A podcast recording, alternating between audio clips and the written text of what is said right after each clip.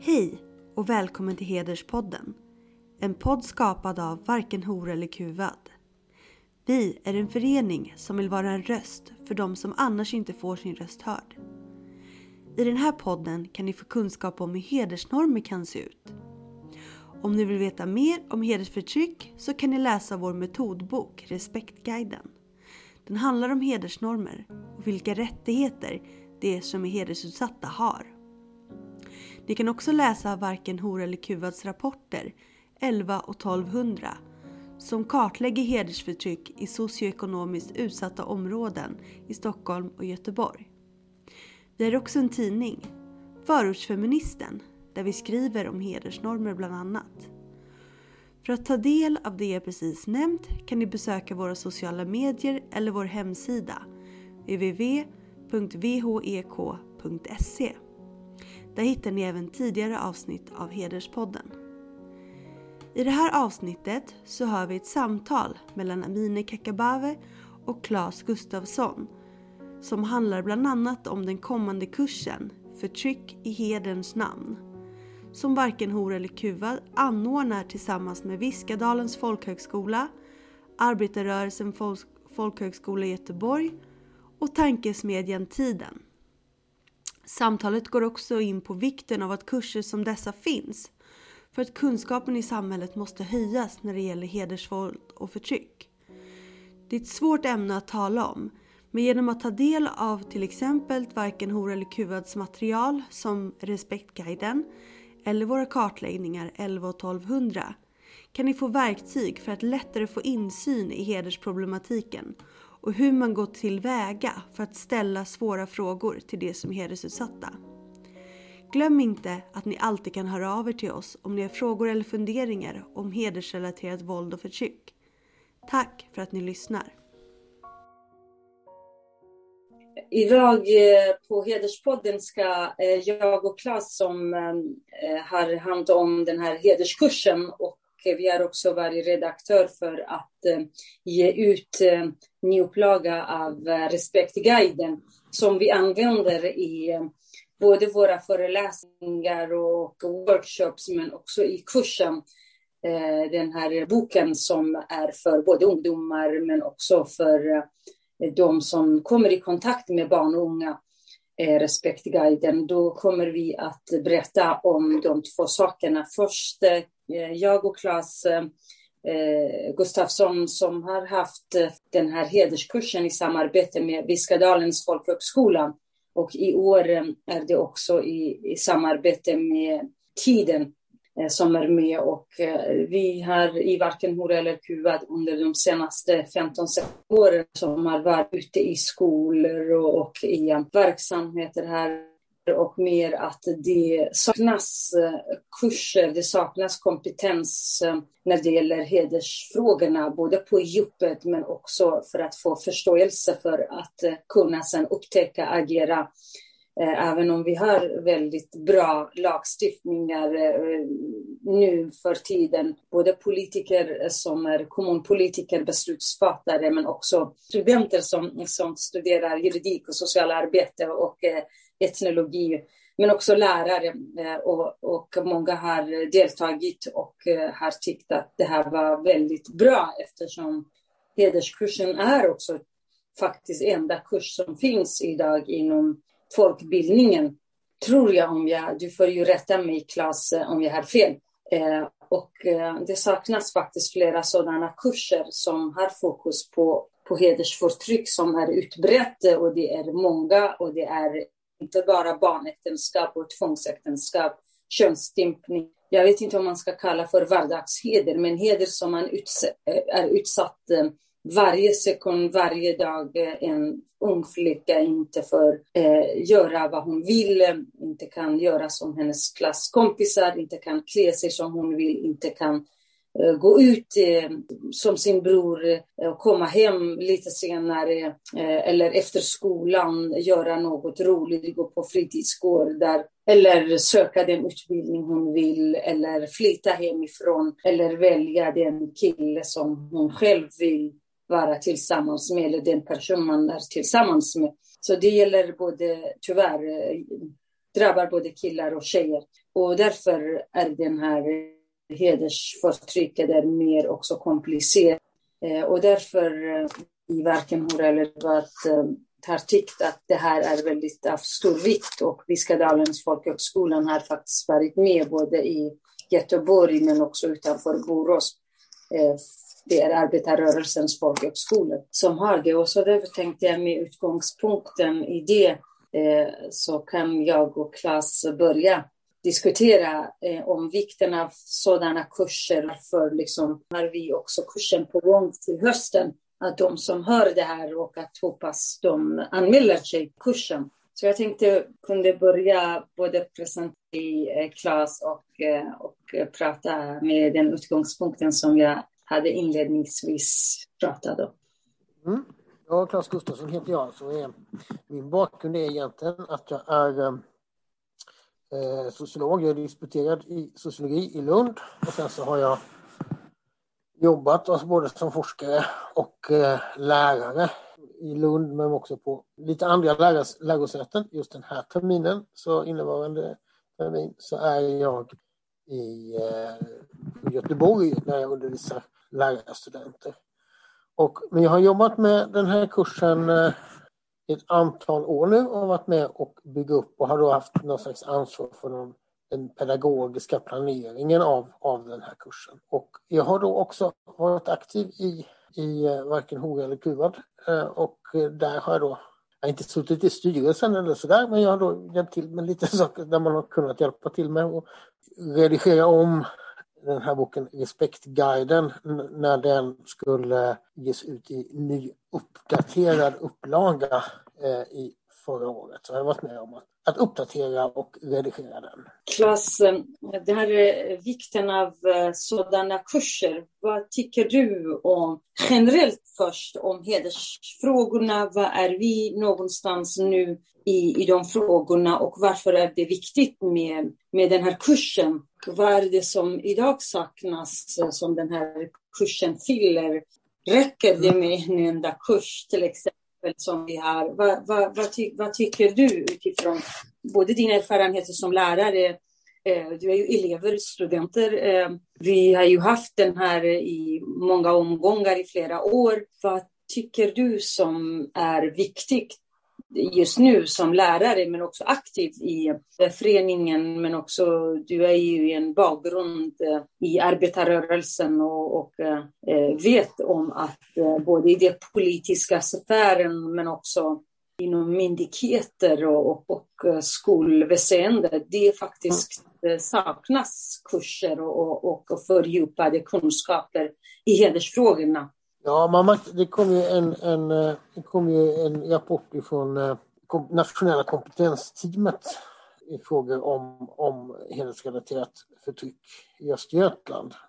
Eh, Östergötland som har regeringens uppdrag att ha det här samordningsansvaret. Och där kom det en rapport förra året. Det som uppmärksammades mycket där det var att det var 199 barn som hade försvunnit ut ur landet ur en hederskontext och den, den siffran är skrämmande nog. Men tittade man lite djupare på det där så var det nästan ännu mer skrämmande därför att det visade sig då att det var Alltså att det var få kommuner som hade ordentliga åtgärder när det gällde att hantera ärenden där barn försvinner. Men det var också så att, att det, var, det var runt 70 procent som, som, där det inte fanns. Och, och bland de, där det, de kommuner där det ändå fanns, när man, när man så att säga, strategier eller liksom planer för, för det här. Eh, ja, då var man ändå osäker på om de var uppdaterade. Alltså 30, var 30 procent av de här kommunerna ändå osäkra på om planerna var uppdaterade och så. Och det här visar ju någonstans att, att eh, spelar liksom inte bara, det som, det som spelar roll är inte bara hur eh, olika kommuner beslutar om, eller säga, hur reger, eller riksdag beslutar om lagar och regler. För finns det inte en kunskap bland de som jobbar med det här. Om de som inte jobbar med det här dessutom inte känner att de har stöd av sin ledning uppifrån så kommer vi inte komma lika långt. Det är ett typexempel på, på att, att det behövs då någon slags kompetenshöjning bland människor som, som jobbar med de här frågorna. Och då, det vi talar om här är egentligen då socialtjänst, så, men det, jag menar, det behövs ju kunskaper runt om. Det är fullt med människor som jobbar med ungdomar och så. Det är fritidspedagoger, det är lärare, det är alla. Alltså, det här är, inte, det här är ju inte ett, ett förtryck som eh, på något sätt kan, kan, kan kallas marginellt utan det är så stora yrkesgrupper som på olika sätt kommer i kontakt med det här. Då kan man ju säga att, att kunskapsnivån står inte, har inte riktigt hängt, alltså de kunskapshöjande åtgärderna har inte riktigt hängt, hängt med här. Det, det är ju en väldigt viktig aspekt du um, lyfter här, Claes. Det är också märkvärdigt när vi själva har haft den här kursen och haft studenter av som lärarstudenter, socionomstudenter, pedagoger eller juridis, juridik och i lärosäten saknas eh, utbildning eh, om, om de här frågorna. Mm, på många universitet saknas, eh, eller nästan alla tror jag, förutom någon kurs, tror jag, det Vim Raxi hade på Stockholms universitet tillsammans med Astrid Schlitter. Jag tror att... Ja, man kan säga att den, den, den, den gjordes en kartläggning just av, om, om hur det såg ut på lärarutbildningarna och jag tror att den är någon gång ja, 2009, 2010 tror jag det är som Nationellt centrum för kvinnofrid presenterar en serie, serie rapporter. Och det, det, var ju inte, det var inte mycket tid som gått åt det här. Sen har det inte gjorts någon uppföljning för det, men man kan väl säga att att det är nog väldigt ovanligt med särskilda studier. Det tror jag att det kommer upp så, i vissa, vissa nej, på vissa program och ämnen. Men, men eh, nej, det är eftersatt får man säga. Och framförallt så även om man, även om man reformerar de här utbildningarna så eh, gäller ju det bara för de som utexamineras. Vi har fullt med, med, med, med personal ute i verksamheterna som, eh, som jobbar och som då eh, ja, gick sina utbildningar för, för flera år sedan. Och de, de berörs ju inte av det här. Så det, absolut att det krävs särskild form av, eh, av, av liksom särskilda fortbildningsinsatser. Exakt, även om man har haft en enda kurs. Det har skett att man hört att en, en enda kurs på lärosäten kommer inte liksom fylla dagens behov. Där både som du säger att um, de som jobbar redan i verksamheten men också att verkligheten är helt annorlunda. Det, det kan man inte liksom, en lärare eh, som har eh, kanske skolor där eh, det förekommer hedersförtryck hemma och, och man är kontrollerad. Vi får information om ute i landet när vi har varit ute i landet, både gymnasieskolor och, och hög och mellanstadiet där till exempel fullständigt saknat av kunskaper hos, eh, hos personal och lärare. En del ser det, det finns inte åtgärder och de ser att nej, men vi undervisar kunskap om matte och samhälle. Vi, vi är inte socialpedagog. Eller, det har man hört många gånger och jag tror inte heller man kan lägga ansvaret på enskilda lärare som du också pekade på i början. Det är faktiskt en ledningsansvar. Det är det politiskt och äh, ja, chefsansvar även inom verksamheten. Eh, nu det här med, jag vet inte om alla kommuner har till exempel handlingsplan. Men om man inte vet hur man ska använda det, då är det också ett problem, eh, tycker jag. Allt tyder på att det spelar ingen, inte så stor roll. Har man en nationell kompetensteam i en, en, del av landet men fortfarande eh, hela landet saknar kompetenskunskaper på lokal nivå är det bara enligt mitt tycke, resursslöseri. Myndigheter som, som, som skapas, men verkligheten, det är typiskt Sverige. Verkligheten ser alltid annorlunda ut och den enskilde, eh, hundratusentals, det är inte bara en enda enskild som är drabbad.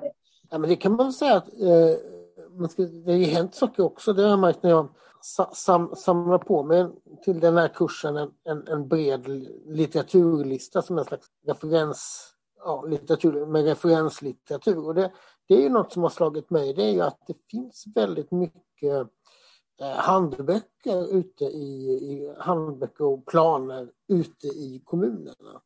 Alltså många, många kommuner, då är inte bara de större kommunerna utan också flera mindre kommuner som faktiskt har eh, välskrivna handlingsplaner mot det här. Eh, så det är bra. Sen, sen är det svårt då när man, när man ser det, vilken, mån, vilken status har det här dokumentet?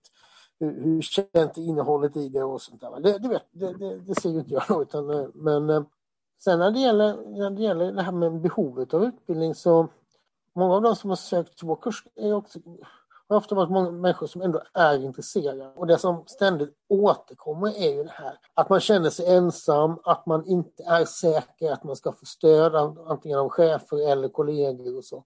så det har vi ju märkt att det finns eh, ett sådant behov. På de här kurserna är det också mycket folk som är allmän, allmänintresserade som då kanske inte har något jobb som är direkt berörda av det här men som ändå är intresserade av frågorna. Och det, det är också fantastiskt kul. Ytterligare en grupp eh, är människor som är direkt, har varit direkt berörda av förtrycket. Alltså att man har själv blivit utsatt för det. Man har kanske till och med tvingats, tvingats eh, bryta upp från föräldrar. I några, några fall leva under skyddad identitet på några boende och så. Man kan ju säga att de, har man de erfarenheterna då är man ju mer expert på de här frågorna än vad, vad jag själv är naturligtvis. Eh, man, man, man behöver så man, har, man har, man har liksom kunskaper på det här in på bara skinnet. Jag tror att det ändå, om man har dem, att det kan finnas, kan känna sig lite starkare av att man även lär sig om det liksom lite mer teoretiskt. Att man, att man lär sig lite om lagarna, att man läser andras erfarenhet, att man lär sig lite om omfattningen av problemet. För det gör det möjligt att man ska kunna prata utifrån sin egen erfarenhet, det är viktigt. Men det kan också vara skönt att kunna prata utifrån någonting som inte bara är ens egen erfarenhet. Ja, en reflektion som, som jag har efter de här åren med den här kursen. Jag instämmer eh, i det du säger, men också vi har haft faktiskt vuxna kvinnor, inte bara mm. unga, unga flickor som faktiskt eh, har haft hela sin och, mannens familj emot sig om hon har skilt sig från en våldsam. Som barn, man, det var ju barnäktenskap, eller kanske man ville gifta sig med, men sen det har inte liksom gått bra. Eller vi har haft också kvinnor som inte vågade ta av sin slöja. Vuxen eh, mm. mamma till, till vuxna barn och har barnbarn och, och, och, säger att, och på grund av att man till exempel deltar i en kurs eh, ens egen familj vänder ryggen om eller kompisar och vänner. Det var faktiskt väldigt skrämmande. Även för mig är det inte obekant. Och eh, här i Sverige också att eh, de här som har egna erfarenheter men ändå de hindras på grund av den kulturella aspekten att andra faktiskt här i Sverige eh, påverkar ens eget liv mer det, det är väldigt i, i negativ bemärkelse. Jag menar här, man styr en bara för att man deltar i en kurs. Man skulle inte längre vän med många. Det skulle vara väldigt hemskt om jag och du, Klas, hade den här, på grund av den kursen, många vänner skulle vända ryggen om. Ja. Tänk bara eh, att man på grund av att man vill inte bara eh, slöja, eh, tvångsslöja Eh, och hon eh, kunde inte, det finns några fall jag känner, men vi har haft på kursen också. Eh, så det menar jag på att det är ju helt sant. De som har egna erfarenheter är det väldigt viktigt. Men så på grund av själva hederskulturen så kommer inte deras erfarenhet tyvärr till användning därför att de vågar inte öppna munnen. De vågar inte utåt säga något eller göra åt något på grund av hot och och eh, utfrysning och eh, ja, sådana. Så det är också en aspekt. De som vill eh, komma till kursen och, eh, och delta så tar man del av olika erfarenheter som är bra men också skrämmande faktiskt med tanke på att eh, i Sverige kvinnors självständighet och individens rätt och, och eh, kvinnofridslagar och, och kampen hundrade år har liksom varit eh, kärnan i demokratin eh, och jämställdhet. Och så helt plötsligt har vi eh, hundratusentals, vi pratar bara om unga och hur många hundratusentals kvinnor finns som inte kan skilja sig, inte kan eh, liksom göra som de vill, inte kan klä sig som de vill, inte kan utbilda sig som de vill. Det är verkligen jättebacklash menar jag i vår jämställdhets... liksom, och, och de landvinningarna.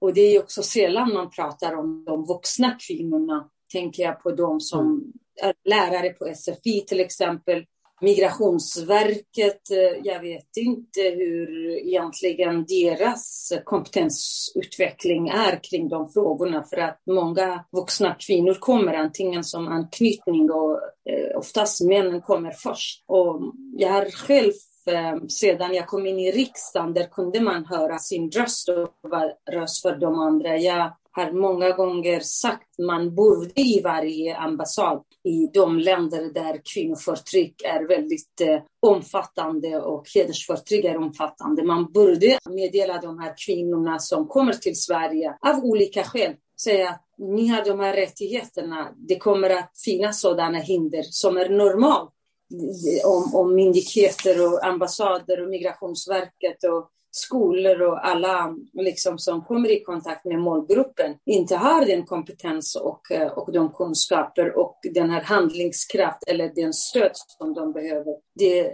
kommer inte själva lagarna eh, hjälpa så många. Att, eh, är till exempel om man, om man till exempel kommer till Sverige som anknytning, är gift med någon man har väldigt svårt att, jag har kontakt just nu med två stycken, har jag kommit i kontakt med att kvinnor som, som har bott här i två år, som används som sexslav och slav, men hon är livrädd för att mannen säger att jag kommer att anmäla dig till Migrationsverket, du kommer att skickas hem.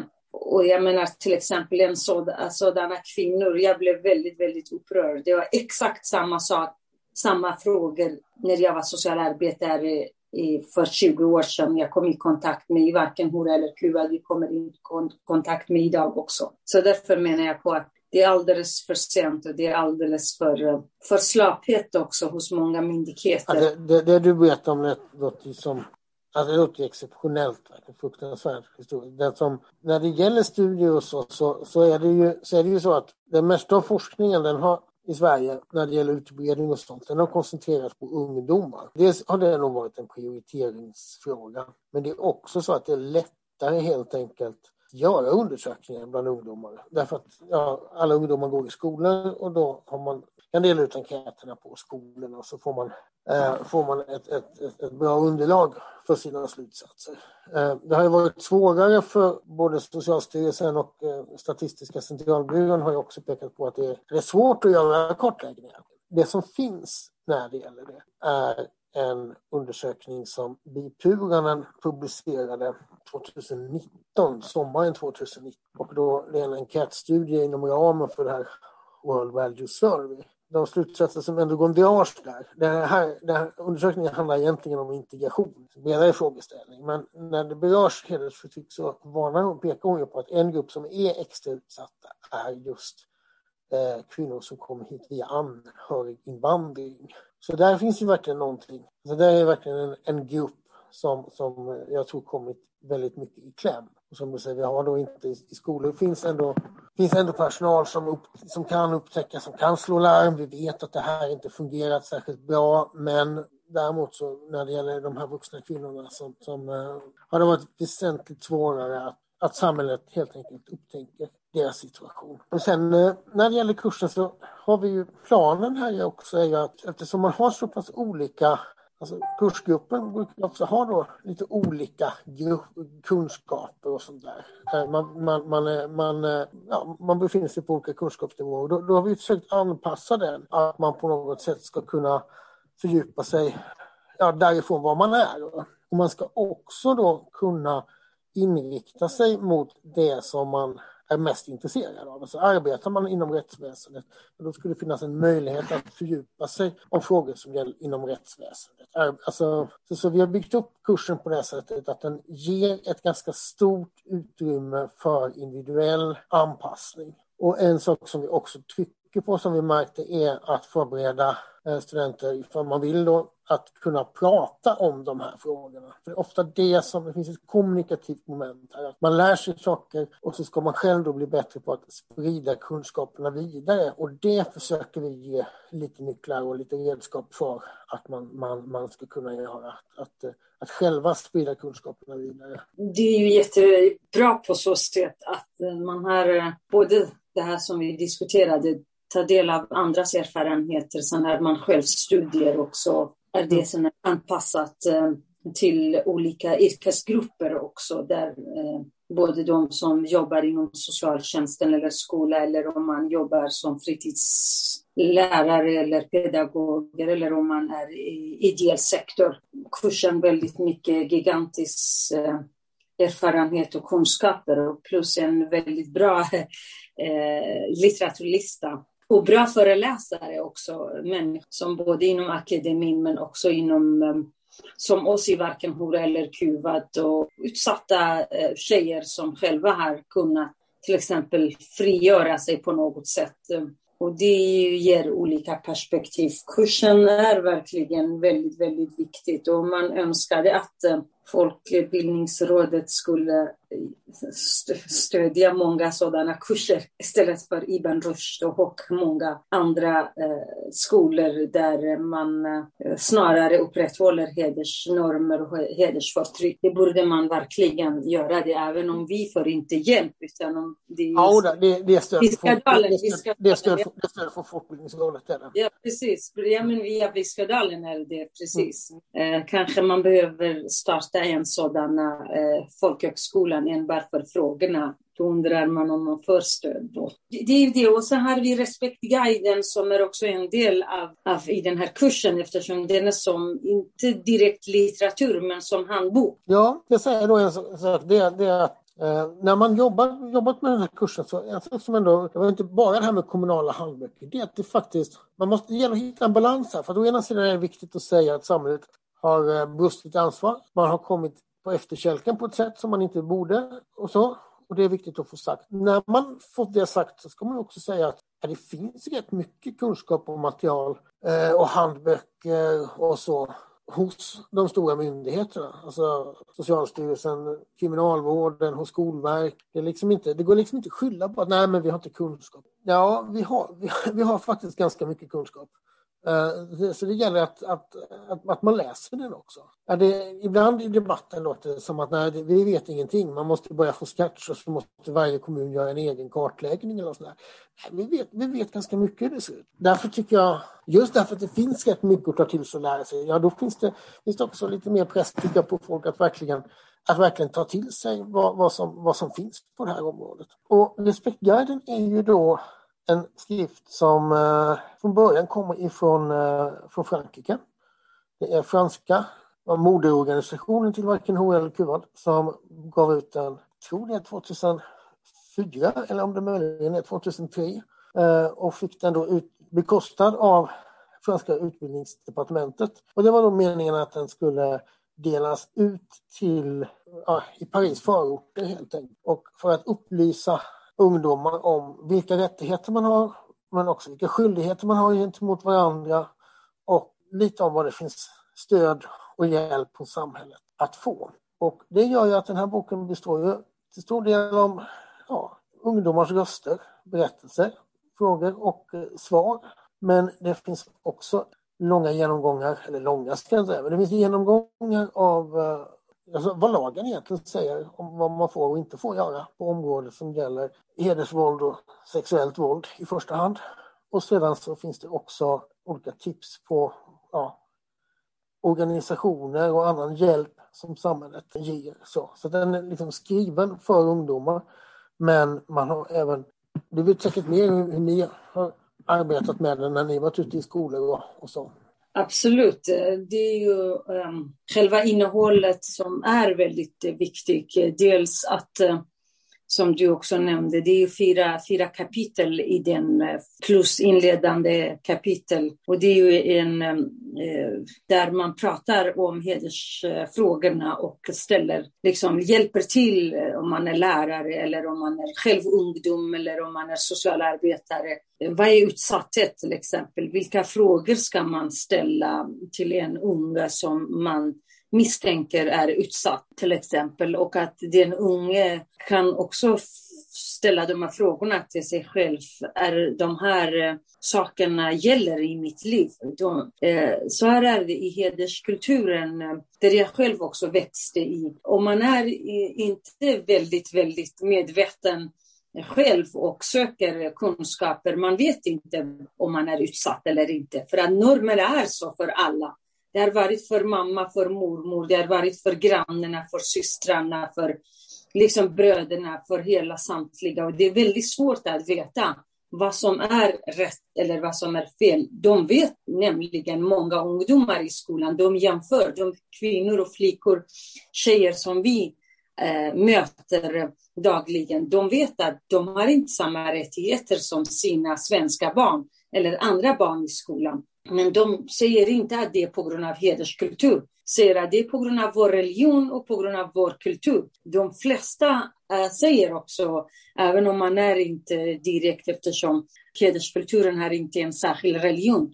Men i alla religioner och i de flesta kulturer finns detta och därför är det så viktigt att eh, Respektguiden hjälper en att vad är, vad, vad, vad är utsatthet? Eh, hur, hur är man när man är utsatt?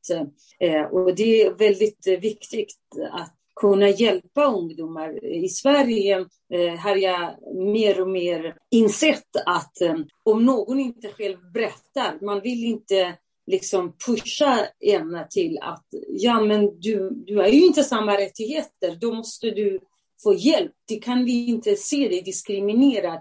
Och jag önskade att det fanns lite mer civilkurage och, och mod att, eh, att när man har sådana böcker men också kunna få hjälp på plats att säga men du måste ju skynda hem till, från skola till hemmet. Vad är det som gör det?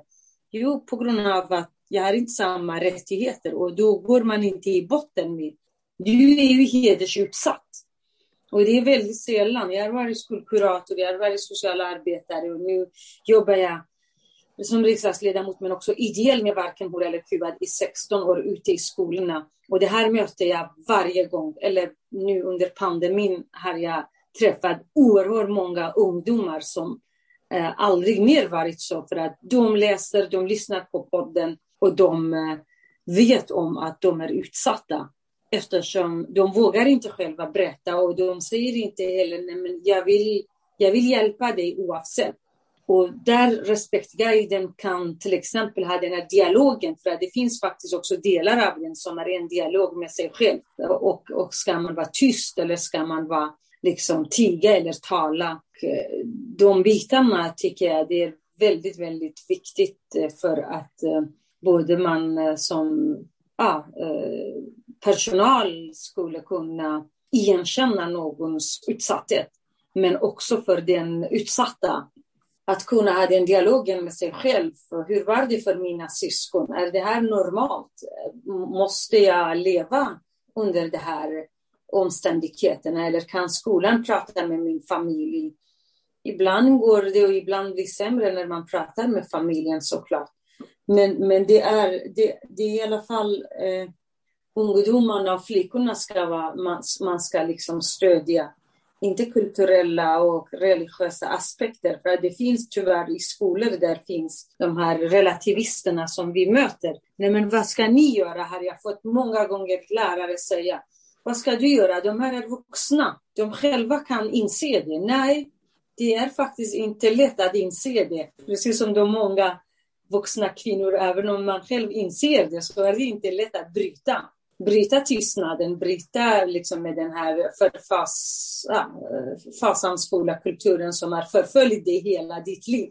Du måste vara annorlunda. Så därför tror jag Respektguiden och många andra handböcker skulle kunna vara behjälpligt att till exempel man identifierar problemen men också går tillväga, tillvägagångssättet för att kunna jobba med sig själv men också hur man kan få hjälp. Hur ungdomar till exempel skulle kunna hjälpa varandra om någon är utsatt i klassen eller på rasten när man är ledsen och tillbakadragen. Och det finns ju många av olika orsaker, inte bara på grund av bara hedersfrågorna. För att respektguiden är delar av den handlar om hedersproblematik, men resten är också om respekt. Liksom rätten att eh, kunna själv vara sig själv eh, och eh, att antimobbning till exempel, den är också väldigt, väldigt, väldigt bra på att jobba med, med emot, emot mobbning och till exempel diskriminering. Att faktiskt behöva upplysa unga människor, äldre med för, för den delen, om vilka rättigheter man har. Att lagar faktiskt skyddar, så bor du i Sverige så, så har du lagar som skyddar dig.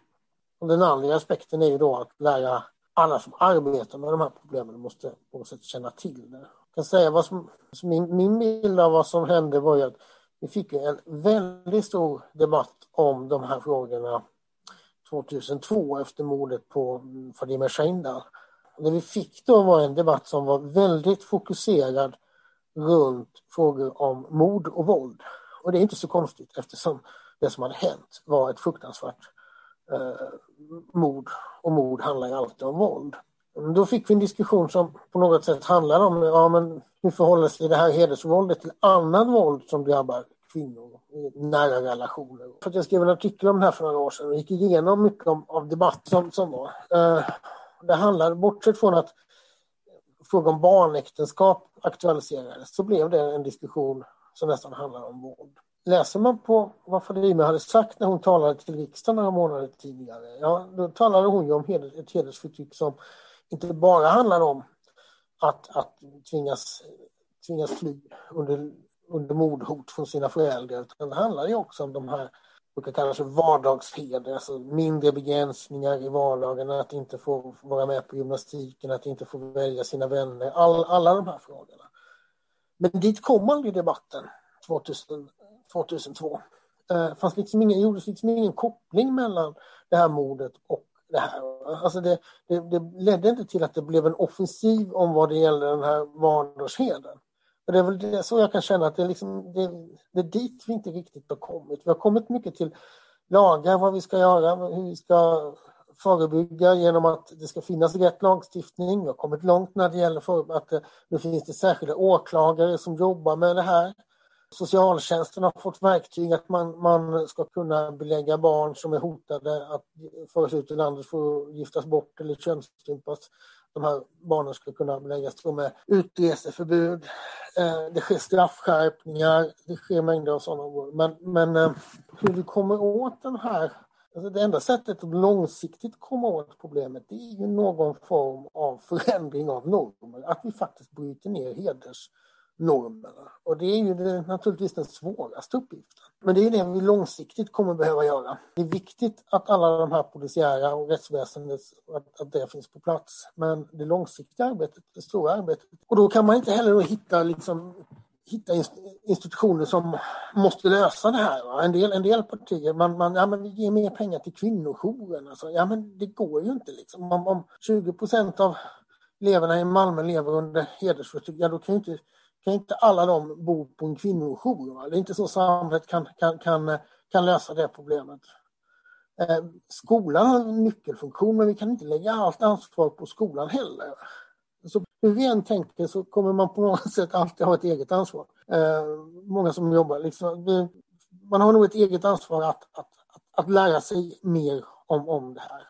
De som har drivit de här frågorna har varit, varit mest drivande, det har ju varit människor som du Amine, som haft egna erfarenheter eller liksom, ja, att falla tillbaka på. Och det har nog gjort att många som inte har de erfarenheterna har lite lämnat walkover i debatten. Man har känt att det här får väl andra driva. Så.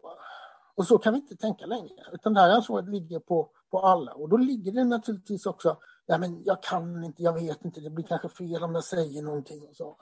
Det är det vi måste bort från. Vi måste få, få med fler i det här arbetet. Fler som känner att man, man vågar ta i de här diskussionerna, vågar agera. Så att eh, på det sättet är det här ett väldigt ett brett folkbildningsarbete. Det var oerhört viktiga aspekter du lyfte, Klas. Men precis som du säger, när det blir bara ansvar för några få av oss, vi ska till exempel eh, ta hand om det eh, och inte eh, andra lutar sig på att ah, men om vi ger till exempel eh, vissa partier eh, i riksdagen. Men vi, vi ger bara, bara eh, mer pengar till kvinnojourerna. Eller om, eh, om man har lagstiftningar, det är okej. Okay. men det går inte om du inte jobbar med attitydförändringar, om du inte flertalet i samhället vet om problemet. Vi som är ideella krafter försöker, men det är inte, besluten ligger inte hos oss det ändå ligger hos myndigheter och politiker till, i slutändan. Det var precis det här med högertrafiken som, som blev, alltså så många människor, så systematiskt kunde samhället åstadkomma, eh, engagera liksom dem och, och utbilda dem. Och att eh, det blev liksom okej okay, när, när lagen kom mot barnaga. Det var också jättejobbigt för många, men man kunde förhålla sig till. Eh, men hedersfrågorna, eftersom det handlar om de andra, eh, och de andra har man alltid betraktat människor från andra delar av världen, de är en grupp, en särskild grupp, eh, och, och, och liksom alla i, i samma det spelar ingen roll, är du blatte så är du det liksom från alla, hela världen och har samma värderingar och samma liksom levnadsförhållande. Det stämmer inte alls.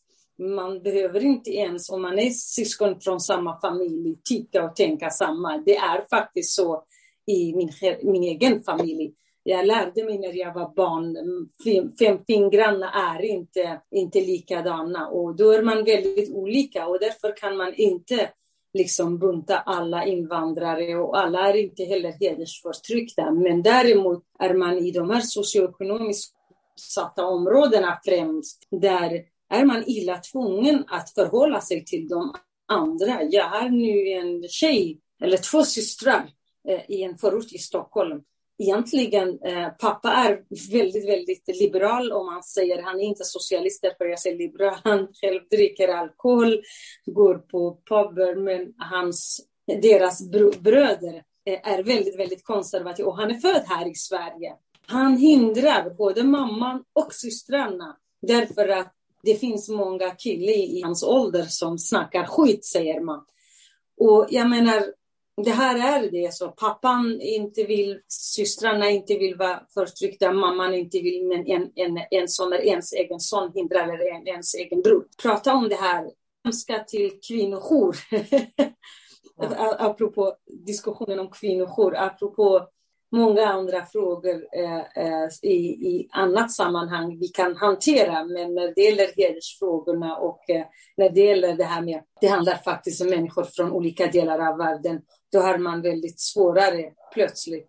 Därför att det här har inte varit bara igår, utan i så, så när man kommer till Sverige för tryggheten och en lägenhet och någon form av inkomst, det, det är okej. Okay. Man har liksom inte brytt sig särskilt mycket om om utsattheten för flickor och kvinnor. Och, Okej, okay, okay. Nej, men det, det, går tillbaka ganska länge också, jag tycker i Sverige. Jag, jag läste om faktiskt medvetet. På, på 60 och 70-talet så gav Katarina Taikon, som då hade romsk bakgrund, gav ut eh, barn, barnböcker, serie barnböcker som var väldigt populära. Är fortfarande hoppas jag, om, om flickan Katitzi. Det är alltså författarjaget själv. Hon skriver om sin egen, egen eh, uppväxt. Uppväxten där, det innebär att hon blev alltså bortgift före 13 års ålder. Eh, och det här skriver hon om. Och det här, det här skedde alltså under krigsåren någon gång på, på 40-talet. Boken som heter då Katitzi och barnbruden kom ut 77 tror jag det var. Och där, fann, där finns ju den här dialogen. Då är det någon svägerska som, som är svensk från det svenska majoritetssamhället som, som eh, reagerar mot det här att ja, men jag kan verkligen inte, jag, jag, jag kan inte vara glad för det här att det, bröllop med någon som inte ens fyllt 13. Och så här. Jo, men du förstår, vi svarar Katitzi då. Jo, men du förstår, vi, vi, har, vi är romer, vi har lite andra seder. Ja, men nej, du och jag är lika, vi är svenskar båda två. Och, och, i Sverige så gäller svensk lag och då får inte barn gifta sig. Och den här diskussionen känns ju så, så oerhört aktuell liksom, när, man, när man läser den. Att, jaha, har vi, är det här vi har stått och stannat? Det var en jättefin dialog. Liksom. Taikons böcker, de har man ju alltid... Nej, det handlar ju verkligen det handlar om hur romer förtrycks av det svenska samhället. Det var liksom, hon var, var ju verkligen då en förkämpe för romers rättigheter i Sverige. Och då är det helt uppenbart att vad Katarina Taikon såg, hon såg ju det här som en del av, av, av, av förtrycket mot romer. Det vill säga, ja, dels kommer inte romer in i svenska samhället, man får inte, hon får inte gå i skola och så som andra, andra barn fick göra. Men det är också så att man godtog faktiskt att, att romerska barn giftes bort. Liksom. Det hade man ju aldrig gjort med svenska barn. Alltså det är en särbehandling som, som, som, som sker. Eh, så hon ser ju det här direkt, liksom, att det här är det här är förtryckande seder och kultur, men det är också ett förtryckande samhälle i det att man tillåter det. Och där har vi inte riktigt, där har inte riktigt debatten hamnat. Så. Eller ja, debatten har väl handlat om det, men, men det, det, finns en rad låsningar som inte, som inte kommit ifrån där. Sen finns det en, en, en intressant aspekt för det. Det var när jag förberedde den här kursen för första gången så läste jag en rapport från Brå från 2010 och där var det någon, någon mening som jag studsade till på där man, där man just då, ja, det finns ju då inom forskningen olika definitioner. Vad är hedersförtryck? Har det med kultur har det att göra eller har det med patriarkat att göra? Och så, va? och så hade man då gjort intervjuer med, med vad man säger då praktiker, alltså människor som jobbar ute i välfärdsverksamheten. Och de sa ju då att ja, men vilka funktion, vilka definitioner man väljer, det har inte, väljer, det har inte så stor betydelse utan på en praktisk nivå så, så erkänner alla att det finns ett hedersförtryck. Och det är ju lite hoppingivande om det är så att mycket av den här debatten där hedersförtryck förnekats eller relativiserats, om den har förts på kultursidor så, men inte påverkat eh, den praktiska nivån, ja då, då är det ju bra. Eh, nu verkar det väl vara lite dubbelt, att det är många som berättar att jo men det har faktiskt påverkat, för det har gjort att det har blivit svårare att prata om, om, om det här förtrycket. Samtidigt så får man lite ta fasta på att de som har praktiskt jobbat med problemet, socialsekreterare, lärare etc. De har haft lättare att agera eh, oberoende av vad som skrivits i kultursidor eh, etc. Hur den, hur den debatten har sett ut. Så där finns, finns ju, där finns ju någonting som är positivt. Absolut, men samtidigt eh, ska man inte glömma bort att det finns eh, konservativa religiösa eh, romerna, det helt, instämmer jag helt och hållet för att före det här eh, avsnittet i Hederspodden så kommer det en romsk kvinna eh, som, som är från eh, Bulgarien och bott i Sverige i över tio år och berättar om sin uppväxt och hur eh, liksom är det att vara rom både i sitt eget hemland, i det nya landet och hennes eget barn och allt det här. Och hon själv var också väldigt bedrövad att, att man kan inte liksom bli särbehandlad för att man, man är romska. Eh, och då blir det liksom, då, då, är det egentligen diskriminering i grund och botten allt det här handlar om. Eh, därför att du är från en annan kultur så innebär det att det är ditt beteende, även om de är väldigt, väldigt eh, ah, emot vår lag, så är det mer acceptans än hos majoritetssamhället. Det är ju det jag har hela tiden sagt, att egentligen det är det som är diskriminering. Medan vet vi att många legender som är feminister, en av dem Nawal al-Sadawi, som dog också tyvärr för eh, inte så länge sedan. Hon själv eh, har eh, kritiserat och diskuterat eh, de här frågorna i 90 år. Hon var ju nästan 100 år när hon gick bort och hon har fått fly eh, sitt land, eh, Egypten, på grund av att eh, eh, hon sa att eh, vad är det för eh, liksom, religion om man inte kan kritisera och man, religionen måste, eh, till exempel islam, ska ändra sig för att kunna anpassa till dagens liksom, eh, möjligheter. Och jag menar, det är inte några svenska rasister som faktiskt är ideella krafter som själva pratar om det här. Och vi alla eh, som pratar om det här har varit flyktingar och kämpat i våra egna hemländer. Och just på grund av eh, det här kvinnors rättigheter och eh, demokrati, för, för, kampen för demokrati har vi flytt eh, och kommit hit. Och när man vill ha samma rättigheter, då blir man liksom extra utsatt Och det lösningen du pratade om, det är exakt det handlar om det. Att man har inte kommit något vart. Därför att man är så seg i sin egen bedömning, så dålig påläst, så icke liksom eh, upplyst människa som tycker att eh, vi andra som har liksom varit ett steg före den eh, feministiska kampen när det gäller förorterna i våra egna hemländer. Och så vill vi ha samma rättigheter för tjejer i andra kulturer som den svenska samhället. Då blir man helt bortstöttad.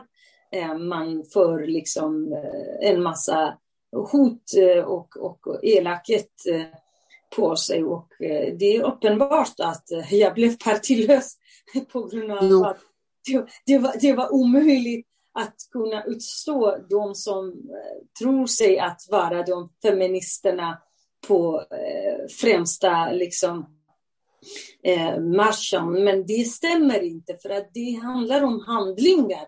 Hedersproblematiken finns bland alla de här, eh, de här eh, folk, nationer och folkgrupper. Och man kan inte säga att det är bara ett invandrarproblematik eftersom hela världens nationer kan inte vara invandrare bara för att man är i Sverige. Det, det finns i Indien, hur, det är nära en, en miljard människor, eller hur mycket är det? De, de är ju eh, jättestora efter Kina, men de, de, de är utsatta. Eh, I Mellanöstern och, och Sydostasien och i Bulgarien och Rumänien och många Balkansländer finns det hedersproblematik. Och det kan vi inte säga, men de, de är en folkgrupp, invandrargrupp i Sverige vi ska inte prata om för att SD finns. SD har eh, fiskat i grumligt vatten. Och de ja, idag... man, kan, man kan väl säga att det, det finns ju några olika grupper Eh, i, alltså i debatten eller i samhällets positioner. Den ena gruppen det är ju Ja, en grupp är ju högerextremister som helt enkelt använder den här frågan därför att de, de, de är emot invandring. Eh, och då, då säger man att ja, hur får vi ner, hur får vi ner köns, könsstympningssiffrorna i Sverige bäst? Jo, vi låter bli att ta hit någon som har könsstympats. Jag menar, i teori, teorin har de ju rätt. Det är klart att, det är klart att könsstympningen minskar ju om, om folk eh, som har blivit könsstympade eh, inte flyttar hit. Men det hjälper ju inte de kvinnor som lever här som är könsstympade. Och det hjälper inte de kvinnor och unga som lever här och som utsätts för hedersförtryck. Hur, hur, de, de, de, de, de, de blir inte mer lyssnade för, för att vi Sverige helt stänger eh, all form av invandring. Sen kan man diskutera invandringspolitik och, och, och allt sånt där. Men det är, inte, det är inte det som är, det är inte på något sätt någon ensam lösning på det här problemet. Och sen har du en grupp som du nämnde, då, det var etniska och religiösa grupper som verkligen, de, man är för hedersnormer. Och man har fått pengar och understöd och man, man fortsätter att, att säga att det här är eh, antingen är, det, antingen är det rätt eller så är det i alla fall ett, ett problem som, som överdrivs. Så. Och sen finns en tredje grupp och det är den här, de som relativiserar här av, av olika anledningar. Som, som, som, som så, fort, så fort ämnet dyker upp hittar en anledning att byta ämne och, och relativisera och förminska och så. Va? Och de har ju ställt till stor skada i debatten, men de är, de är naturligtvis inte för barngiften eller sånt där. Men, men, men, men, man får ju en roll i debatten på, på det sättet eh, som, som, som, som är destruktiv. Och sen så har vi en, en, eh, en eh, tredje position och det är ju de som har varit aktiva och drivit på eh, och velat uppmärksamma det här förtrycket och, och gått före. Och sen så finns det en grupp till och det är de som jag tror är då, ja, den viktigaste gruppen, den största gruppen. Nämligen de som, är, de som har för lite kunskaper man, man agerar inte, man, man sa därför att man, man är lite tvehågsna. Man är naturligtvis emot, man har sett problemen, man tycker inte om det. Eh, man vill göra någonting, men eh, så, va? Man, man, går inte, man, man väljer ändå bort den här frågan till förmån för andra frågor. Eh, alltså, något förenklat. Så. Och det, det är den gruppen vi måste nå ut till. Det, det är den gruppen som som behöver både kunskaper och mer självförtroende för att våga agera i sin, sin vardag. Så det har blivit, jag, tror att det, jag tror det är viktigt att se det. Liksom. Att man, jag rättar mig också på alla de här som dyker upp och, och relativiserar eh, och så. De, de provocerar mig också. Men det gäller att tänka att, att det, där är inte, det där är inte en majoritet på något sätt heller. Liksom. Att, att eh, den stora majoriteten är ju de som, som, eh, som vi behöver uppvinna, som behöver upp, eller uppmuntra och som, som, eh, som behöver lite kurage för att kunna agera. Helt enkelt. Instämmer helt. Eh, jag är väldigt glad att eh, Klas, du finns i varken Hora eller Kuba, att du finns i den här kursen och att det finns så mycket engagemang och, och där, där du kan påverka och finnas till. Det är viktigt och hoppas man att det finns fler som dig som lägger din egen eh, tid eh, ideellt för att, eh, för att jobba med de här frågorna. Hoppas också att du skriver en eh, debatt, eh, en krönika eller debattartikel i, i kommande Feminist i de här frågorna som, som precis du också diskuterade. Att man, man fokuserar mycket mer på de grova brotten, inte på den här vardagsheden. Bara, bara, bara kort säga då, tacka för, för, att jag fått vara med. Ska, bara kort säga då att, att kursen vi lägger ut exakta anmälningstider och sånt. Och nu hoppas vi till hösten att vaccineringen och allting ska fungera så att vi ska kunna träffas igen. Eh, och det gör att vi kommer, alltså kursen som sådan är helt avgiftsfri. Däremot när vi har internat då betalar man ju för mat och plats där. Men vi ska då försöka anstränga oss för att göra den här kursen så att man kan gå den utan att behöva vara med på internaten och då blir den ju helt kostnadsfri. Så att det blir någon slags kombination mellan ja, deltids, ja, helginternat men också där man kan läsa den helt på distans och då blir det även någon träff då naturligtvis över, eh, över Zoom. Och man ska heller inte, vi ska då planera på ett sätt så att även om du inte kan vara med på de här internaten så ska du inte missa någonting utan du ska kunna ta del av, av hela innehållet. Och det här är ju alltså för alla då. Ehm, du jobbar med de här frågorna, är intresserad av de här frågorna. Kanske många vill gärna se att fritidspolitiker av olika slag eh, söker den här kursen också. Alla som är intresserade är alltså välkomna på den här kursen. Och eh, du ska inte känna att du kanske känner att du redan vet eller att du vet för lite eller kan frågorna för lite. Eller, och så. Utan det här, den här kursen är både grundläggande men ger också stort utrymme till fördjupning. Exakt, jättetack och att eh, kursen hålls i Viskadalens folkhögskolan och det är under hösten tre helger, lördag, söndag. Vi återkommer med information på vår hemsida, i våra sociala medier. Har du frågor, vill du delta eller, eller annat så kan du kontakta oss via info.vhek.se. E. Jättetack för den här gången och eh, jättefint att du är med Klas och på återseende. Ha det så jättebra allesammans.